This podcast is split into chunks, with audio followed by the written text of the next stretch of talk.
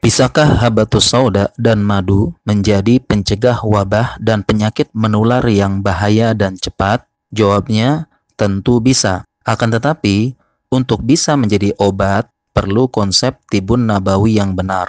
Salah satunya adalah harus sesuai dosis dan indikasi. Jadi, yang diperlukan sekarang adalah berapa dosis dan bagaimana campuran yang tepat untuk wabah tersebut. Hal ini dijelaskan oleh Ibnul Qayyim berdasarkan hadis orang yang datang kepada Nabi Shallallahu Alaihi Wasallam mengadukan bahwa saudaranya terkena diare. Kemudian disarankan agar minum madu. Kemudian ia datang kembali karena saudaranya belum sembuh. Kemudian Rasulullah Shallallahu Alaihi Wasallam menyarankan kembali agar meminum madu. Kemudian ia pun datang kembali mengadukan belum sembuh. Hal ini terjadi beberapa kali dan akhirnya ia sembuh dengan meminum madu beberapa kali. Hal ini menunjukkan perlunya dosis dalam tibun nabawi dan satu penyakit itu berbeda-beda dosisnya, tidak bisa dipukul rata. Misalnya dosis pada anak, pada dewasa,